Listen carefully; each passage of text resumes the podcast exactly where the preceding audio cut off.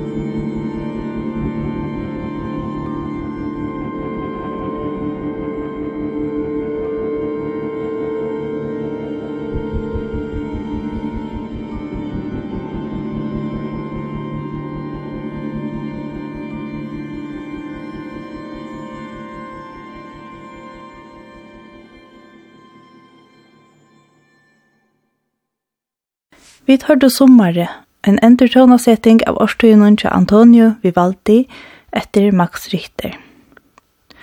Det var Daniel Hope og spalte violinsolo og andre ritter stjøtene i Konzerthaus Kammerorkester Berlin. Kari Beck skriva i i et versk for gitar han nevner mynter Pictures av enskon. Verset hever skap som en svita og teker okkon av en av listafer og i. Ikke avlikt myndir enn er framsynning tja Mussorgsky, lysa satsner ur svitene tja Kara, myndir og er finna av listasalmen. Mittlum målningarna er og satsene skildir eit ved smavum promenadon, spak som man kallar det. Svitan er i nudjo satsen og byrjar vi en ingenje. Så er en kriminellt seg, en målningur tja Torbjørn Olsen, målningren hever heldur myrskablå liter, og bæði við litflatun og smarri strikotekningum. Siden blir Gingy ivet til sjålsmynd tja Fridmut Johansen, hesen satseren blir impressionistisk og endar vi tøylion valsrytmon. Spak 2 leier okkon iver til rett regn etter ingolv av regnet, og synes møyra abstrakt. Tan største rei litren vi setter høldardamen av målningen, er tónleikalega luster vi endertøkken av en skørspun og skurrande ljome. Fra Ingolve vil spaka i ut til Mykines konene. Og et portrett av mamma listamaleren Samuel Johansen Mykines. Vi er noen saraband og lyknande satse løser kare ta sorg og løying og kjemur til skjøntar og jesu målninge. Svidan endar vi en etterspille postludium. Vi tar Ola Jakobsen spela mynter etter Karabekk.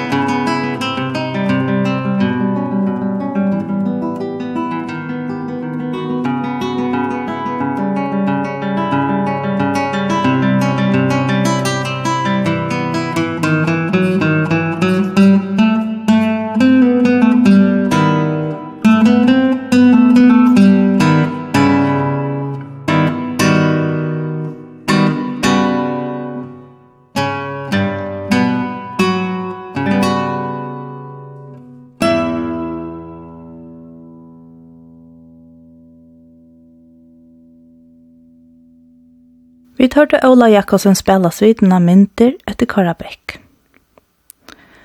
Nasta styrtje vi høyre er vekra styrtje Sommar etter Frank Bridge. Han skriver hesa symfoniske yrkingsina for symfoniorkester åren 1914 og 15. Frank Bridge var tonaskald, dirigenter og violaspelare og er også kjent for å være lærere Benjamin Brittens. Britten skriva i øsne variasjoner i et tema til Frank Bridge, tidsi ur ære av dem trimon idols for strutskvartett.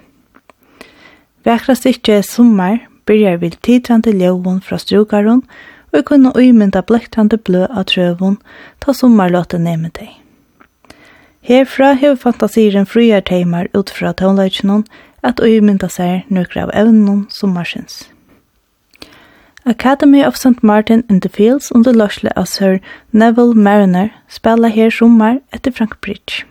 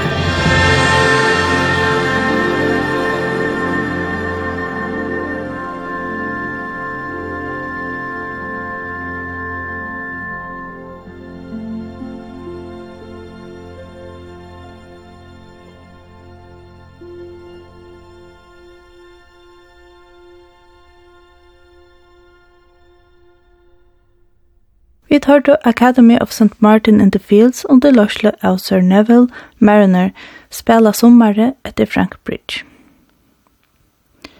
Fyrst vi hesar kjenting hørt vid sommarregn etter svenska Hugo Alvén. Samme komponister skriva i Øsne Midsommarvaka, svensk rapsodi nummer 8 fyrir størst orkester. Hesar rapsodina skriva i han, medan han vær av sommaruppihaldte og i Skagelmalernas konstnars koloni og i teksten om bondbryllup på Svartnø lyser han hvordan han ble inspireret av at han til tånløkene til brylluppet.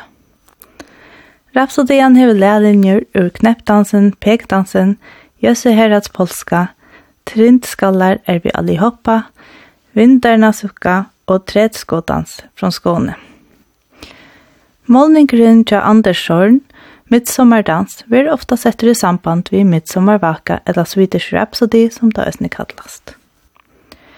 Vi tver at høyre RTE National Symphony Orchestra spela Midsommarvaka etter Hugo Alfvén. Henda sendingen er den sørste av en romarstedgen og blir endersendt managkveld til klokkan 22. Hon er øsne at finna av heimasynet til kringkvarsmenon kvf.fo framskak bolero. Jeg er Angelika Hansen, og tøkninger i det er Rune Østerløy. Takk for i det.